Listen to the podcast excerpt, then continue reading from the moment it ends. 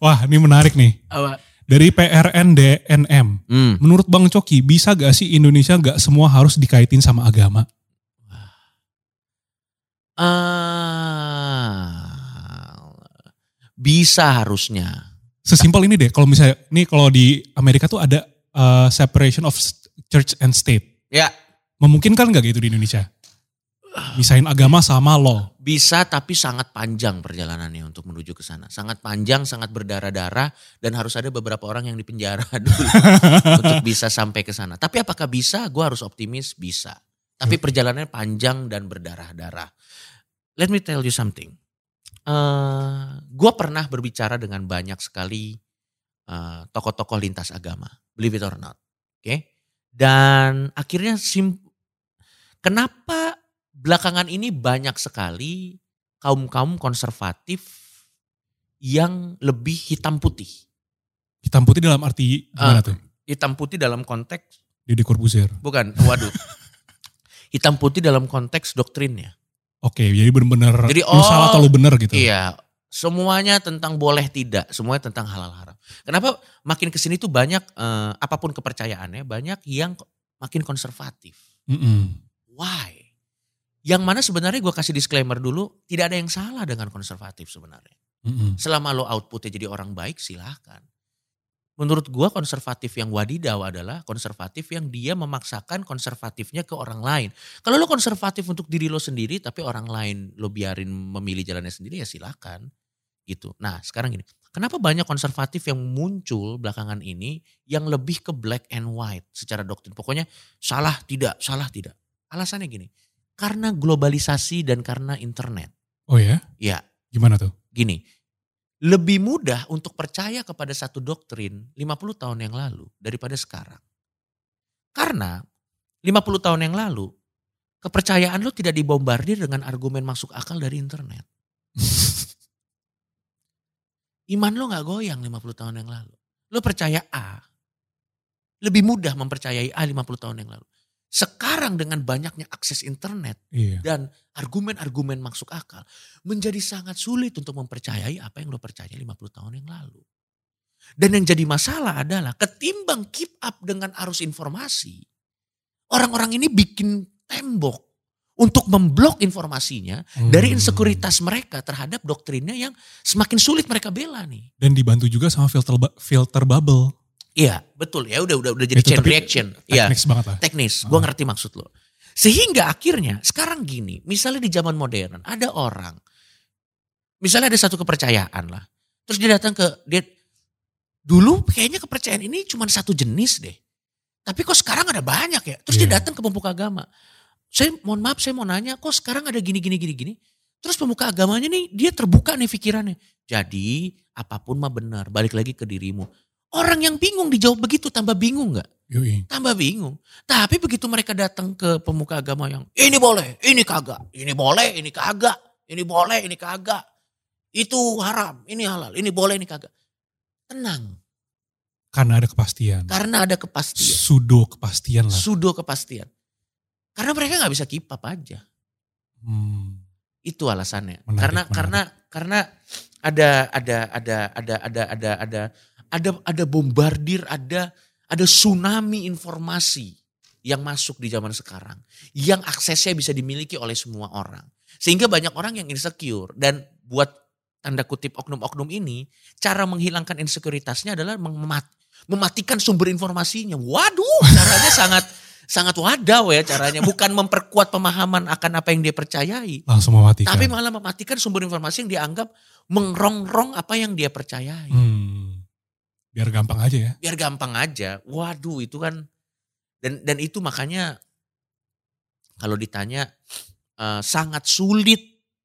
Dan maksud gue gini, eh, untuk menjawab pertanyaan yang tadi, apakah bisa apa-apa tidak dikaitkan dengan agama?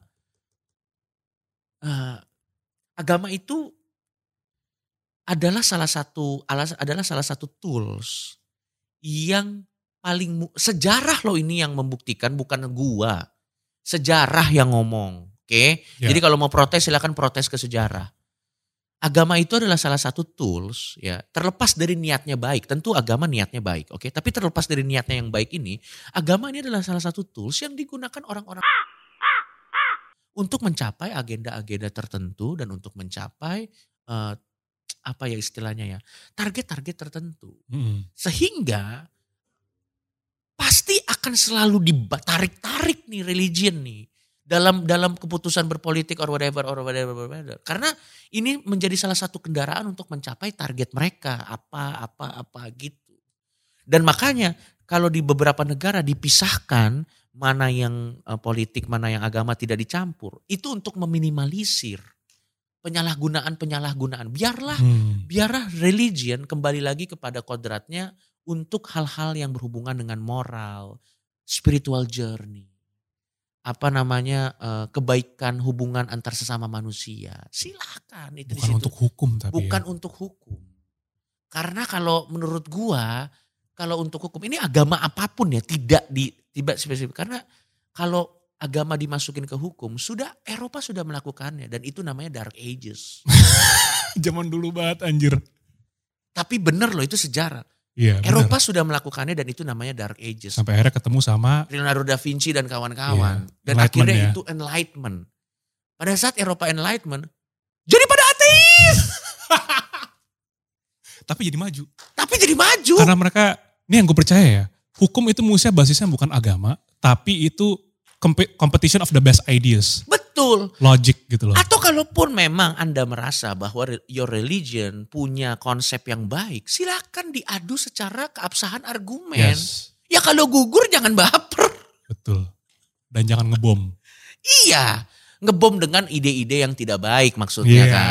Tenang, saya, saya saya biasa di permainan ini. Saya tahu cara Ngebom dengan ngata-ngatain ngata-ngatain orang di, dengan di kata-kata. komen-komen. Betul. Iya, ngebom di sosial media, Iya benar. lewat Twitter, Maksudnya gue ya, ya competition of idea. Mm-mm. Tapi biasanya ada ada ada kepercayaan-kepercayaan tertentu. Competition of idea is foreign. Buat mereka itu Iya. adalah sesuatu yang Apaan nih? competition of idea buat mereka adalah blasphemy. Waduh. Bagaimana manusia bisa maju kalau pemikirannya seperti itu? Tapi tapi mark my words. Semua inovasi terbaik datang dari penistaan. Contoh, Galilei Galileo, bener sih dikata-katain bumi itu datar. semua inovasi terbaik itu datang dari blasphemy. Menarik nih. Kayaknya itu si Wright bersaudara kayaknya kita bisa terbang deh. Hahaha, goblok mana bisa manusia terbang. Berapa tahun kemudian punya pesawat terbang. Iya, jadi innovation ya. Innovation itu datang dari hal-hal nyeleneh, dari hal-hal yang provokatif. Datang dari bela- Jadi jangan jangan dikekang, Hmm. jangan dikekang kemampuan orang untuk berimajinasi seliar-liarnya. Kalau lu tersinggung karena itu, it's your problem. Dunia tetap berjalan kok kalau lu tersinggung. Ah, apa sih yang bikin lu spesial bangsat kalau lu tersinggung?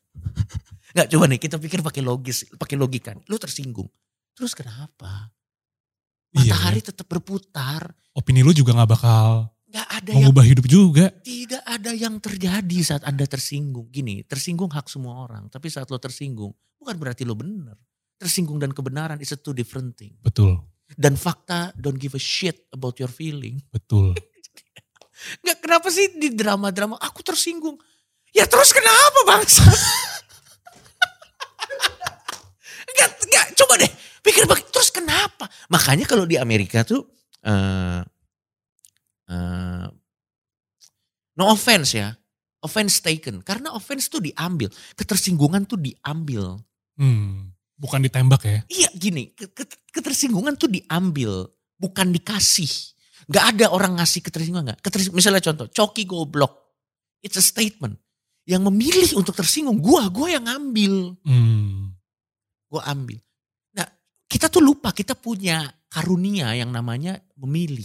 Kita bisa memilih loh untuk tidak tersinggung. Tapi kan netizen auto tersinggung. Wah sumpah udah hancur banget sih.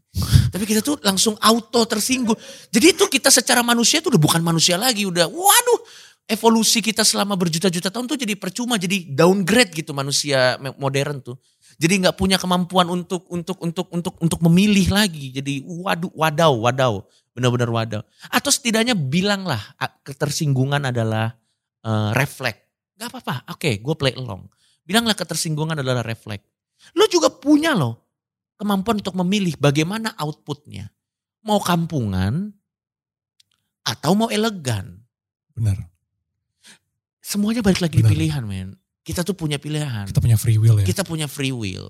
Free will. Kita punya free will. Dan itu sebenarnya hal yang mahal loh. Mahal men. Memiliki free will itu sebenarnya mahal banget. Cuman kadang free will kita tuh dimatikan dengan konsep. Nggak, tapi intinya adalah. Eh ya kita punya free will.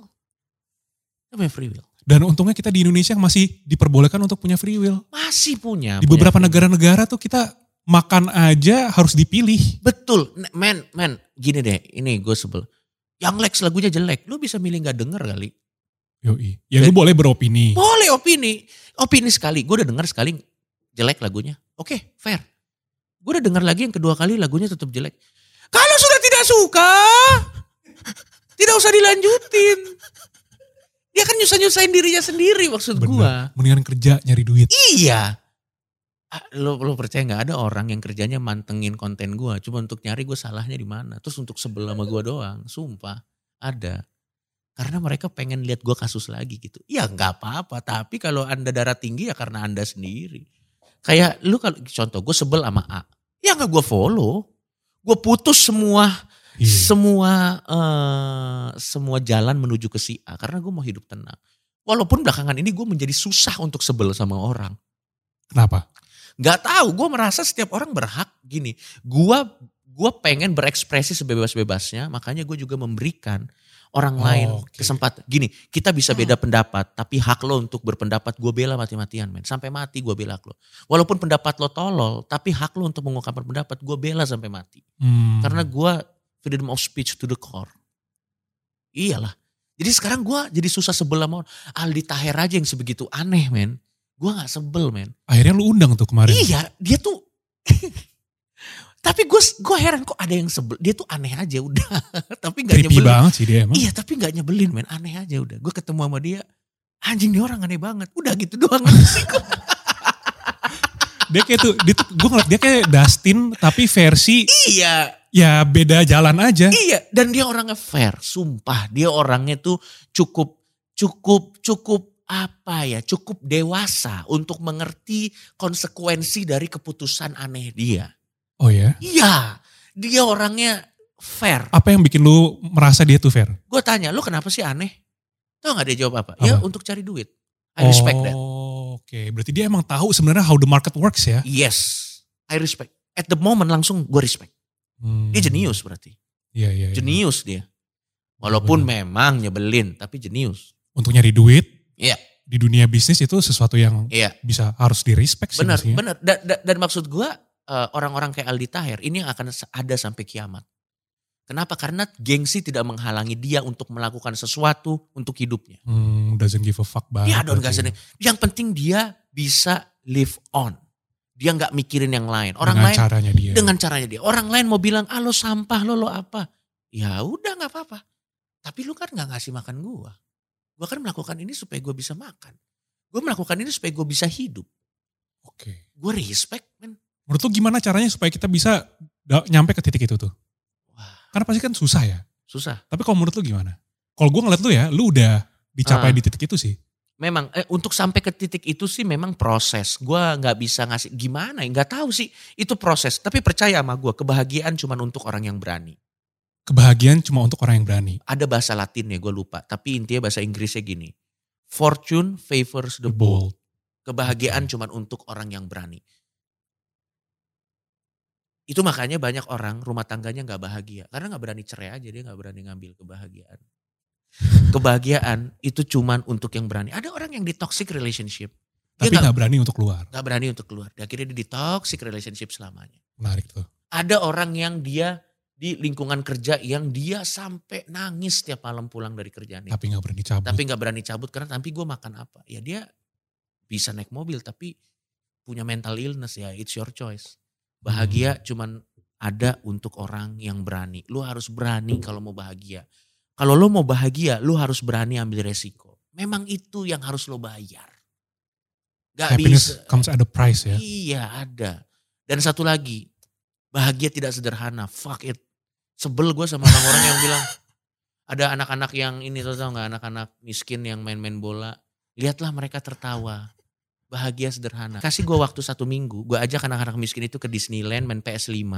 Habis itu gue balikin lagi ke tempat kumuhnya. Iya pasti bakal Masih masih bahagia nggak ba- dia? bakal main- kesel dia bola? dengan bola plastiknya. Iya pasti bakal kesel. Ma- maksud gue yang bilang bahagia itu sederhana, Anda kurang referensi.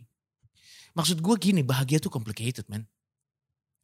Atau complicated karena kita tahu arah bahagia kita, tapi kadang kita nggak berani ambil keputusan ke sananya. Hmm. Karena omongan orang dan reputasi lebih penting kadang-kadang daripada kebahagiaan kita sendiri. Menyedihkan. Makanya kadang ya orang-orang kayak Aldi Taher, respect lah gue. Dia melakukan sesuatu untuk apa yang dia percayai gitu. Uh, Hmm. Men, lu harus lihat orang-orang kayak eh, orang-orang kayak gitu dari dari dari dari sudut pandang yang dari sudut pandang yang berbeda gitu. Kebahagiaan itu nggak sederhana. Kebahagiaan tuh complicated. eh ada- enggak kok ada orang kaya dia bilang saya sudah mencoba segalanya tapi akhirnya saya merasa kosong. Itu mah bosen anjing. Dia udah Beda co- ya? i- beda. Itu itu dia udah coba segalanya terus dia bilang ternyata memang hidup ini hampa tapi udah naik private jet. Ngerti gak maksud Iya. gue nggak nggak nggak nggak gitu nggak gitu. Eh, kalau itu mah menurut gue dia lack of imajinatif aja. Dia lack of imajinasi bagaimana caranya menggunakan resourcesnya untuk bisa bahagia. membuat dia bahagia. Buk enggak, enggak, enggak, enggak gitu, enggak gitu. Bahagia itu complicated.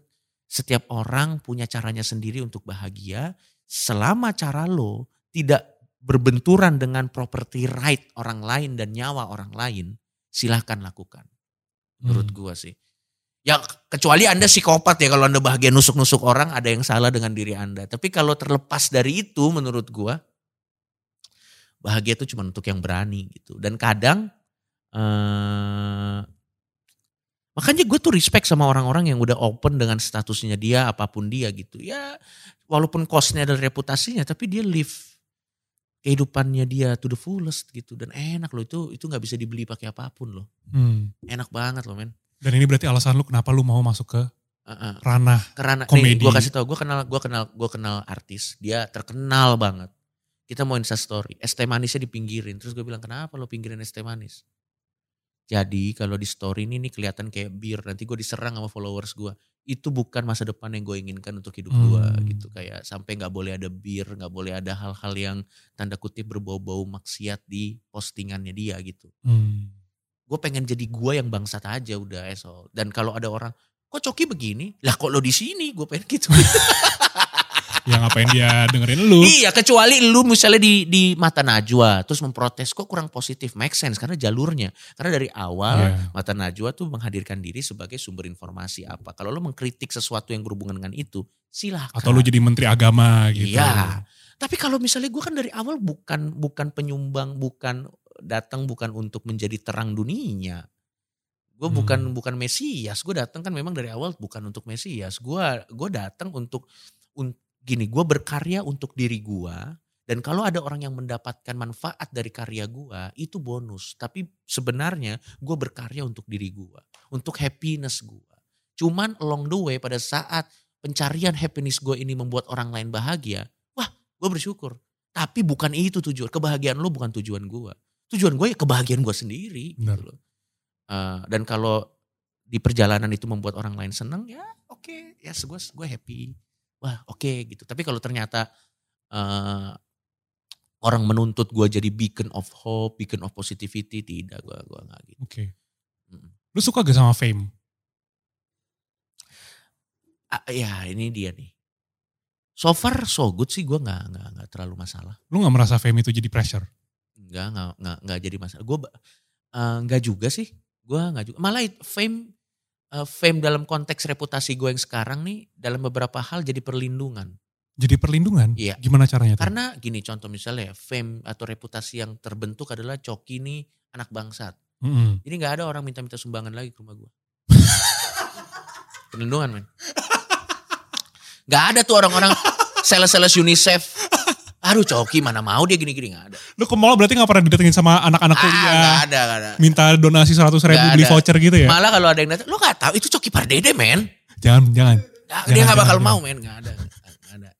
Terus terus gue langsung jadi jadi itu jadi perlindungan. Jadi orang-orang yang udah pasti bikin gue sebel, udah menghindar dari gue. Oke, berarti udah bener-bener ke filter sendiri Sudah ya. ke filter dengan sendirinya. Jadi memang orang-orang yang mau main sama gue, memang orang-orang yang memang udah nggak masalah dengan segala kebrengsetan dan kebangsatan gue. Dan enak banget men punya circle kayak gitu tuh enak Hmm. banget. Dan ini masuk juga sih, ini masuk juga gak sih ke bisnis kayak misalkan lu dapet brand, brand-brand udah tahu lu orangnya kayak gini. Iya. Dan mereka bodo amat. Malah kalau ada brand main kita, kita yang khawatir loh. Tapi ta- tapi tahu coki muslim kan gitu. Iya, ya, enaknya gitu ya. Kayak sekarang tuh Volix kalau misalnya masuk brand, Iya. kita tuh rada ribet. Ah, Karena kita kadang harus ngikutin kata-kata brand. ya, make sense, make sense. Kita nggak bisa yang kayak lu betul betul brand paham, ngikutin kata-kata lu karena ah. brand udah tahu lu tuh Iya, gua ngerti. terkenal sebagai si coki si, Gua ngerti, fucking gua ngerti. asshole gitu loh. Tapi tapi tapi mungkin dari segi kekayaan mungkin kalian lebih kaya dari kami. Belum sih. Enggak, tapi gue yakin akan tiba saatnya di mana pada saat lo menjaga itu tinggal pilihan aja kita mau mau susah di sini tapi gede di sini Heeh. atau mau gede di sini tapi susah di sini. Gitu. Hmm. Kalau da- kalau dalam case gue, gue lebih pilih eh, nggak jadi miskin, gue jadi orang yang cukup mau ngapa-ngapain bisa. Tapi di sisi lain, sisi personality gue, sisi kebebasan gue dalam berekspresi apa dan yang lain-lain tidak terhalang Oke. gitu. Karena gue pikir ya, kalau nanti gue punya Ferrari, misalnya gue kaya banget, gue punya Ferrari. Terus bikin klub Ferrari ujung-ujungnya ketemu Ata-Ata juga, itu shallow banget. ketemu anak-anak crazy rich juga. Apakah apakah itu teman-teman yang saya inginkan? Gitu loh maksudnya. Ketemu orang-orang yang yang yang ada di YouTube YouTube itu yang kayak kayaknya kalau gue mau nongkrong tidak dengan orang-orang ini deh gitu loh. Ngerti ya maksudnya? Oke. Tapi lu pengen kaya gak sih orangnya? Ah, kaya ya iya siapa? Gue nggak mau miskin. Seberapa lah. Kaya? Eh, sampai Semua orang kan punya ini kan. Gini, gue mau kaya, gue mau kaya sampai nih ini ini cita-cita gue, gue mau jadi kaya sampai gue punya mobil yang harganya bisa 2 m gitu. Udah, coba itu udah cukup aja buat. Oke, berarti net worth lu kurang lebih 10 M, 20 M udah lah ya. cukup buat gue segitu mah. Gue nggak Oke. perlu jadi crazy rich or whatever gitu nggak. Gue kenal anak-anak crazy rich Surabaya ya. Mereka tuh anak-anak yang menyenangkan untuk nongkrong. Tapi emang orang gila aja semuanya. Gue nggak nggak harus sekaya mereka, nggak harus sekaya Hmm. mereka. Tapi ya eh, jadi yang kaya cukup eh, di antara orang-orang kaya gue biasa gitu. Nggak usah yang taji, nggak, nggak usah yang tajir melintir atau hal lintir gitu. Ah nggak usah. Gue di, jadi nggak usah gue nggak perlu. Karena gini, gue takut kalau gue punya anak. Kalau lo kaya banget, terus lo punya anak, anak lo pasti belagu men. Iya ya. Oh, gue gak mau. Gue jadi. Bapak gue. Waduh. Gue jadi ini anjing nih lucu banget. Jadi gue punya temen. Terus temen gue beli rumah di BSD. Terus dia nyeletuk lucu banget. Gimana? Anak gue nih lahir di sini pasti songong nih.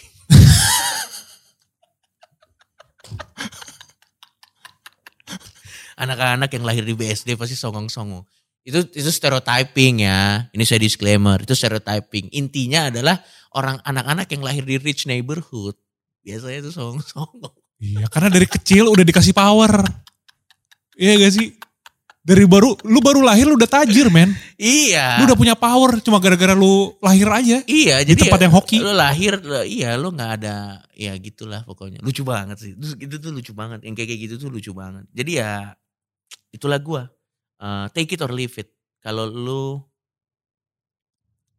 banyak orang bilang gua eh, nyebelin ya, ya nggak apa-apa. Apalagi, apalagi yang mau anda tanya? Oke, Saya menarik, akan menarik. jawab terus. Lanjut ya, beberapa Lanjut. pertanyaan lagi deh. Udah berapa lama nih anjir? Ya silakan nanti anda edit saya sendiri. Gampang. Heeh. Anjir. Kalau lu disuruh dari Teza Tegar underscore. Hmm. Kalau lu disuruh pilih satu agama, agama apa yang lu pilih? Hmm. Kalau harus pilih ya, Iya. Buddha mungkin. Kenapa tuh? Way of life. Karena itu bukan bukan agama banget ya. Ya, bisa itu way of life. Eh, Apa yang lu udah pelajari dari Buddha? Yang menurut lu, ini menarik banget nih. Selain kerasakti tentunya ya. Eh, karena itu, men, kalau lo bedah, kerasakti itu tentang ajaran agama Buddha, men. Itu kan kerasakti basic, basically ceritanya itu udah biksu bersama murid-muridnya jalan mencari kitab sucinya orang Buddha. Ada konspirasi yang bilang kitab sucinya itu apalah apalah gitu. Tapi basically kita nontonin biksu loh setiap Iya ya, hari, men. Kita ngomong, kita nontonin Terus itu diajarin budinisasi terselubung ini tuh itu itu terus kita diajarin belas kasih dengan cara entertaining aja yang menarik gitu. Kita diajarin cara menahan hawa nafsu, bagaimana Tom Sancong tuh digoda-goda wanita dia menolak. Iya ya. Dia di original menahan hawa nafsu men. Tom Samcong. Kok itu bisa ngejual banget di negara Karena dulu belum ada ya belum dihancurin. Kalau sekarang pasti dihancurin. Jadi maksud gue tuh eh yang gue pelajarin dari agama Buddha adalah way of life-nya. Mereka tuh karma aja sebab akibat. Hmm, Dan eh, correct me if I'm wrong, teman-teman yang punya agama Buddha ya, correct me if I'm wrong. Tapi buat gua agama Buddha tuh lebih mengutamakan pesan belas kasihnya daripada ritual-ritual tertentu. Dari yang gua tahu ya. mm-mm. Yang penting kita berbuat baik karena ada karma di situ di situ dia. Eh, kita berbuat baik, kita begini gini. Karena gue tidak suka terikat dengan ritual, gue tidak suka. Karena punya ada agama agama agama tertentu atau kebanyakan agama agama apa pun ya gue nggak sebut eh, ini suka terjebak dengan ritualistiknya Hmm. dan melupakan pesan dari religionnya itu sendiri. Esensinya jadi hilang. esensinya. Dan ke, ya itu mah ya cuman ke, ya kalau cuman gitu mah itu apa bedanya dengan ya apa? Padahal kan harusnya agama itu datang dengan niat punya pesan nih pesan yang luar biasa. Setiap agama gue yakin datang dengan pesan yang luar biasa. Tapi pada saat pesannya ini jadi terkungkung oleh ritualistik ritualistik tertentu yang akhirnya mematikan pesan ini sendiri terus untuk apa Mm-mm. makanya kalau gue tuh tipe orang yang gue ambil lah kebaikan-kebaikan dari berbagai macam agama dan gue terapkan itu dalam kehidupan gue gitu. Dan kalau Buddha tuh way of life itu makanya Buddha itu dia stood the test of time. Hmm. Dia dari dari eh, iya dia, dia dia lama banget men. Dia ada terus. Yang lainnya udah mulai nggak relevan. gitu. Nah sama gue mau kasih tahu nih ini sedikit perbandingan aja ya. Mm-mm. Eh, kayaknya di Indonesia tuh kalau ketemu orang ateis, gue bukan ateis ya, gue agnostik. Kayaknya di Indonesia tuh kalau ketemu orang ateis tuh kagetnya apa sampai gitu tuh orang tuh kayak kenapa kenapa? Kayak ngeliat singa albino gitu kali ya. Nah, padahal nggak nggak nggak jauh beda. Nih gue kasih tahu. Menurut catatan, menurut catatan, semua Tuhan yang dicatat di sejarah manusia di, di setiap agama itu ada 3000 Banyak ya. ada 3000 Oke. Jadi kalau lu percaya satu agama, bilang lu percaya satu Tuhan. Berarti lu percaya satu Tuhan. Lu nggak percaya 29999 nya lagi. Mm-mm. Ya kan? Nah, orang ateis cuma lebih satu aja nggak percayanya. Terus apa bedanya sama lu? Bener men. Iya loh. Menurut data menurut data record itu ada 3000 Tuhan, oke? Dari dari agama Yunani, agama Zeus, agama api, agama apa apa apa apa. Ini kita nggak ngomong siapa yang benar itu mah pembahasannya lagi. Ini secara nama loh. Secara tulisan loh di sejarah kurang lebih dari 3000 sekian lah. Kalau kita percaya satu agama berarti kan kita mendinai 2999 lagi kan. Tuh. Kita percaya sama yang satu. Nah, a- ateis ya cuma beda satu sama lu. Dia nggak percaya 3000 3000-nya. Terus kita nggak we, we are not so different, man. Ya bedanya mungkin numbers numbers Numbers dari aja. kuantitas orang ateis Iya. aja gak sih? Maksudnya gimana? Ma- Kuantitasnya maksudnya orang ateis ya dikit orangnya. Kebanding sama orang-orang yang lebih beragama di Indonesia. Nggak juga, kadang ada orang ateis-ateis yang diem-diem aja gitu ya. Dia dalam hatinya ateis, tapi Iya, ya KTP-nya. KTP-nya ya tertentu. Ya karena memang sangat di sangat mengerti bahwa di beberapa di beberapa negara itu bisa mengancam nyawa dan understandable kalau tidak ada yang ingin keluar bilang aku ateis gitu. Dar tiba-tiba ada suara. kan agak serem ya kalau kayak gitu. Aku agnostik, dar! Langsung meledak gitu kan agak serem maksud gua. Jadi ya gue sangat tapi ya gitu. We, we are not so different lah. Dan orang-orang sekuler lah. Nggak usah ngomong agnostik ateis. Orang-orang sekuler tuh bukan berarti di mereka tidak bermoral. Nggak ada hubungannya lagi. Kebetulan saya agnostik dan saya memang dianggap orang tidak bermoral. Tapi lo lihat negara-negara yang sekuler itu mereka orang jatuh juga ditolongin men Iya ya. bukan berarti karena mereka sekuler ada orang jatuh didiemin enggak apa agama eh, eh, negara paling tidak religius di dunia lo cari di situ lo kesusahan dibantuin juga ada sapa-sapaannya juga ya manusiawi aja karena memang sumber kebaikan kan nggak cuma dari satu pintu lo bisa ngambil dari banyak pintu Iya. gitu jangan Dan Mm-mm. just because lu punya agama bukan artinya lu baik, men. iya uh-uh. lo coba tanya kan itu jawabannya kan jawaban statement lo yang tadi Lanjut yuk. Pertanyaan terakhir dah. Biar menutup. Takut gue anjir. Wah sumpah ini bakal lama sih ngeditnya nih. Either kita bakal lama banget ngeditnya atau kita bodo amat gak usah diedit. Atau lo kasih time code, Iya atau gak kasih type. kasih time code atau nanti lo lo cek. Ya, sil- silakan aja lah. Kan kan no no no no hari kan untuk di upload gitu kan. Santai Ah. aja. Dari Ella Marta Sasta. Gimana cara ngatasin orang yang sok agamis tapi kelakuan ngele- ngelebihin setan? Pertanyaannya adalah kenapa Anda merasa harus mengatasi mereka? Iya ya. Ya jangan ada di circle itu lah. Tapi kalau misalnya ternyata si, let's say nih, si orang agamis ini nggak bisa keluar dari circle kita, Mm-mm. Gimana? Ya, eh, Kayak contohnya, mm-mm, mm-mm. tai lah nyebut kan gue bangsa. Loh, tapi nggak apa-apa. Nih. Enggak, enggak, tapi kan nggak apa-apa karena kan eh, terlepas dari ini pro kron- pro kontra, ini kan memang sesuatu yang menarik untuk didiskusikan Iya, iya. dan opini kita bukan fakta. Ini kan opini. opini. Ini kan opini. Nah, Feel dan- free untuk lawan opini kita juga. Iya, tapi. kalau ada orang yang tidak setuju dengan kita ya nggak apa-apa. Ya. Cuman biasanya kita dipukulin. Kalau ini. Nah, lanjut lagi. Jadi tadi yang pertanyaan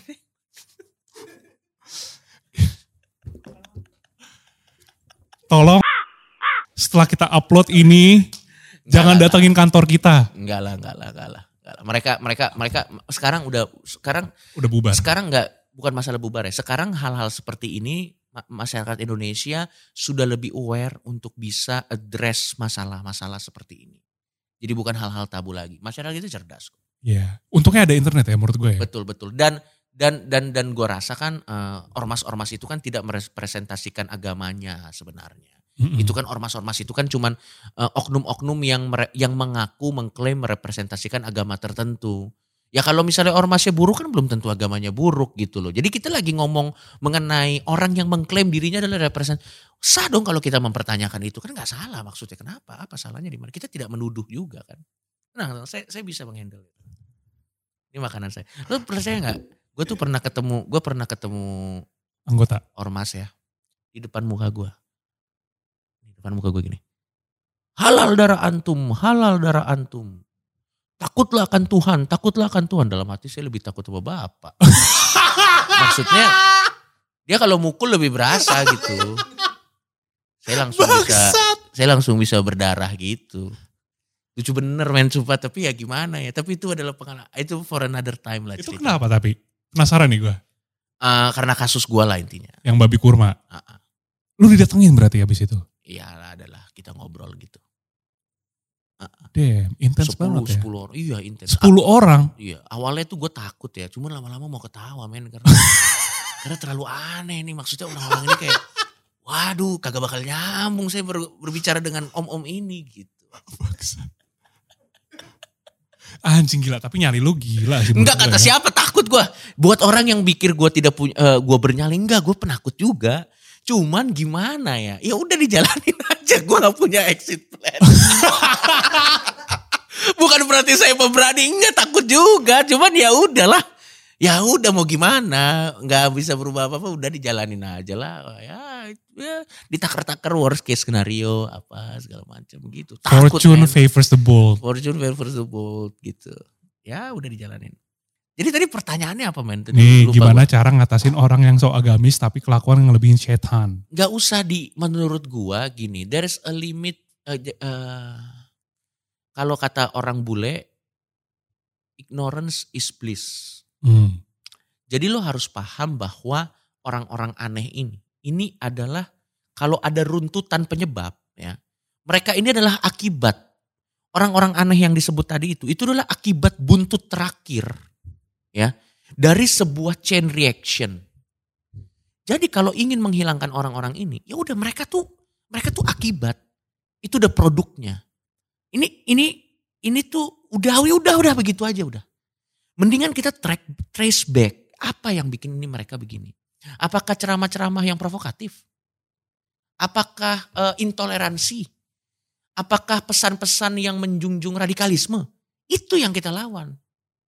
Hmm, sebabnya ya. Sebabnya Bukan si akibatnya. akib ini mah udah udah bakal begitu selamanya aja udah. Iya, Dan lu menghabis lu melakukan perang dengan angin. iya. Kalau kalau ini mah serahkan ke pihak yang berwajib aja. Iya. Karena kalau misalnya mereka melakukan hal yang melanggar hukum, tinggal laporin polisi udah. Tapi yang lebih dalam dari itu kan bukan bukan orang-orang ininya. Akarnya. ya. Akarnya radikalismenya nih apa? Percuma lu ngambil batangnya cuman akarnya nggak diapa-apain. Betul dan itulah yang Nunggu gue lagi. dan itulah yang Majelis Lucu Indonesia lakukan ya. Nih sekali-sekali gue jadi SJW nggak apa-apa. Anjay. Itulah yang Majelis Lucu Indonesia lakukan dan juga pemuda tersesat lakukan. Hmm. Bahwa memang kita harus mem- harus point out hal-hal tertentu. Kita harus bikin narasi tanding. Pada saat ada narasi tanda kutip radikalisme, kita harus bikin narasi narasi yang berbeda.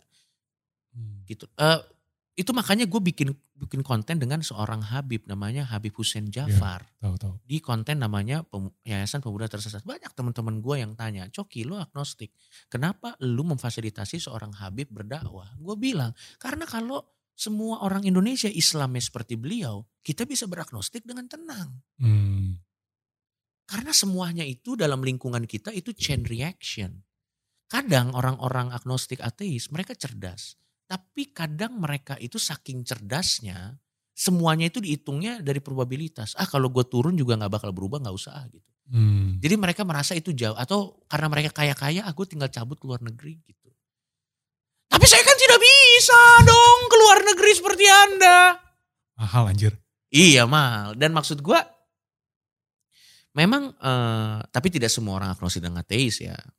Banyak kok sekarang orang-orang agnostik yang juga mulai eh, berkolaborasi dengan eh, kepercayaan-kepercayaan yang ada di Indonesia untuk melakukan eh, untuk saling mengerti satu sama lain. Coexistence, ya. Coexistence gitu. Kayak kita harus saling mengerti. Itu makanya gue mencoba memberikan platform kepada Habib Hussein Jafar untuk eh, berceramah Islam yang damai. Yang gue juga denger itu sangat senang. Gua, dan gue sering bertukar pikiran dengan beliau gitu. Kita ngobrol tuh bisa tiga jam, bisa empat jam gitu. Dan beliau orang yang sangat terbuka dan sangat bisa eh, menjawab pertanyaan gue. Sebagaimana gue juga mungkin di beberapa hal bisa menjawab pertanyaan beliau gitu.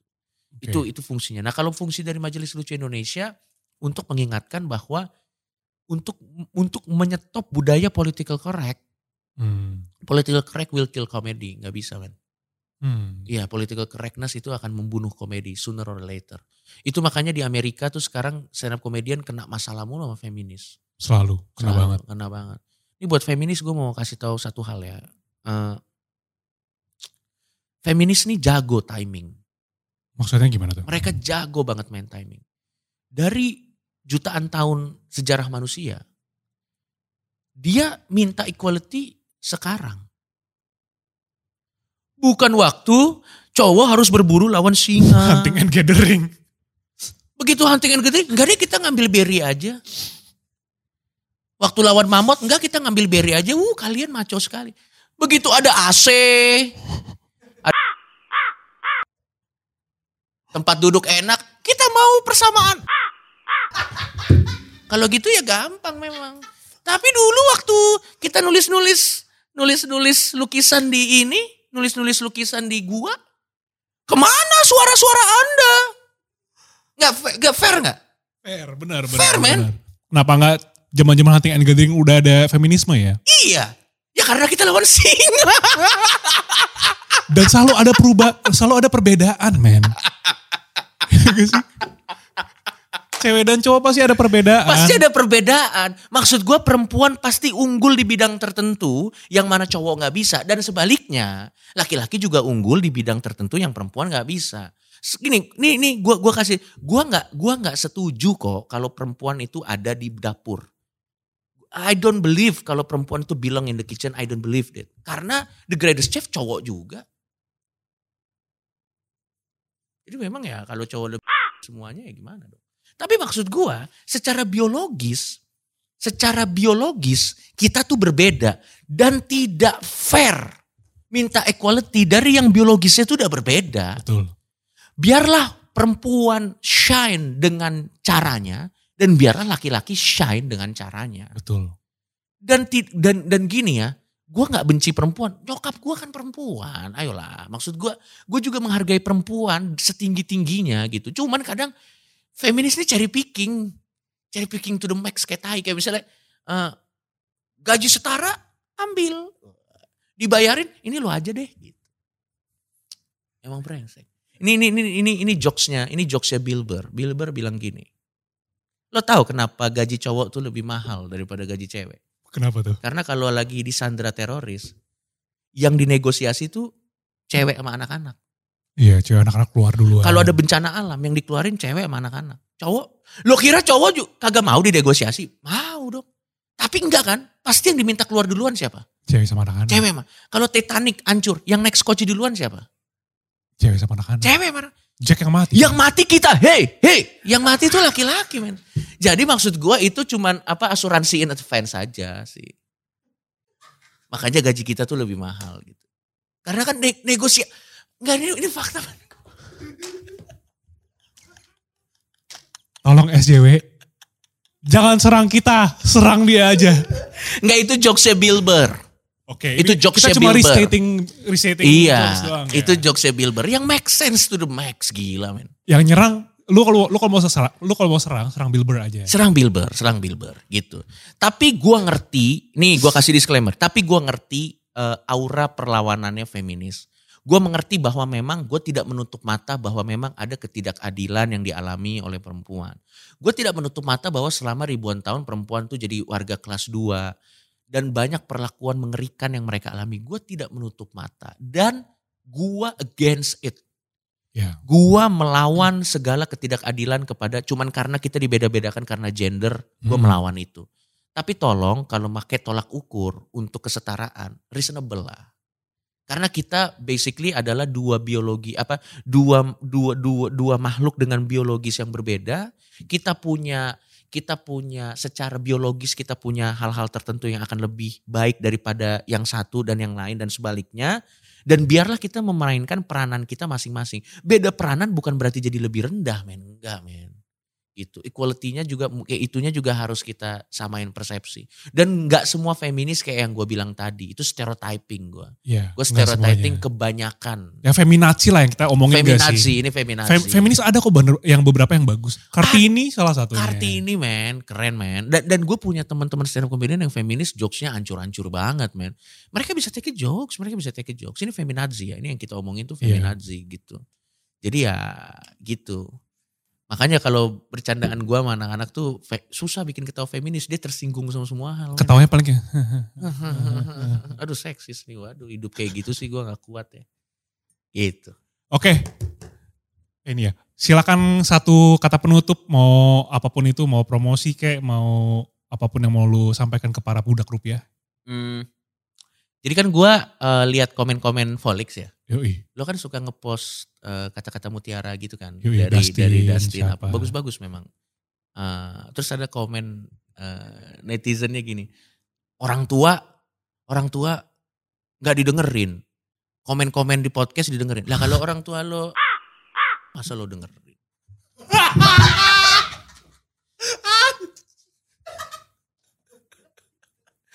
karena memang ini ini ini ini adalah quote. Gue lupa quote dari siapa. Buat para orang tua. Anak lo bukan milik lo. Anak lo milik zamannya. Jadi jangan sakit hati. Kalau anak lo lebih relevan dengan produk zamannya daripada sama lo. Itu memang hukum alam. Iya men. Udah itu aja sih. Jadi gak usah baper-baper lah santai. Oke. Terima kasih Coke Pardai Ya sudah membantu kita mem- memperbesar probabi- probabilitas kita untuk blunder. Ya, silakan nanti diedit. Apa pun yang keluar versinya, mau itu versi yang sudah diedit atau tidak, gue yakin eh, eh, semua viewers lo ngerti lah dan sudah cerdas lah. Lo kasih time code, ya, lo kasih time code. Dan kalau memang ini jadi masalah, ini adalah kesempatan yang baik buat Volix untuk jadi CV bahwa kita pernah lo reach trafficnya tinggi. Karena nggak semua tai buruk, tai bisa jadi pupuk. Masalah bisa jadi AdSense. Terima kasih Budak Rupiah sudah nonton episode Viniar paling berbahaya. ya, Terima kasih Coki Dadah. sudah datang jauh-jauh. Thank you, thank you, thank you, Pak. Thank you, thank you teman-teman. Thank you, thank you. Thank you semuanya sudah membuat kita semakin kaya.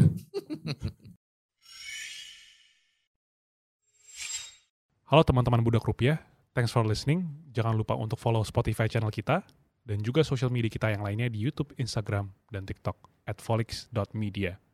Oh satu lagi, nggak semua tai itu buruk, tai bisa jadi pupuk.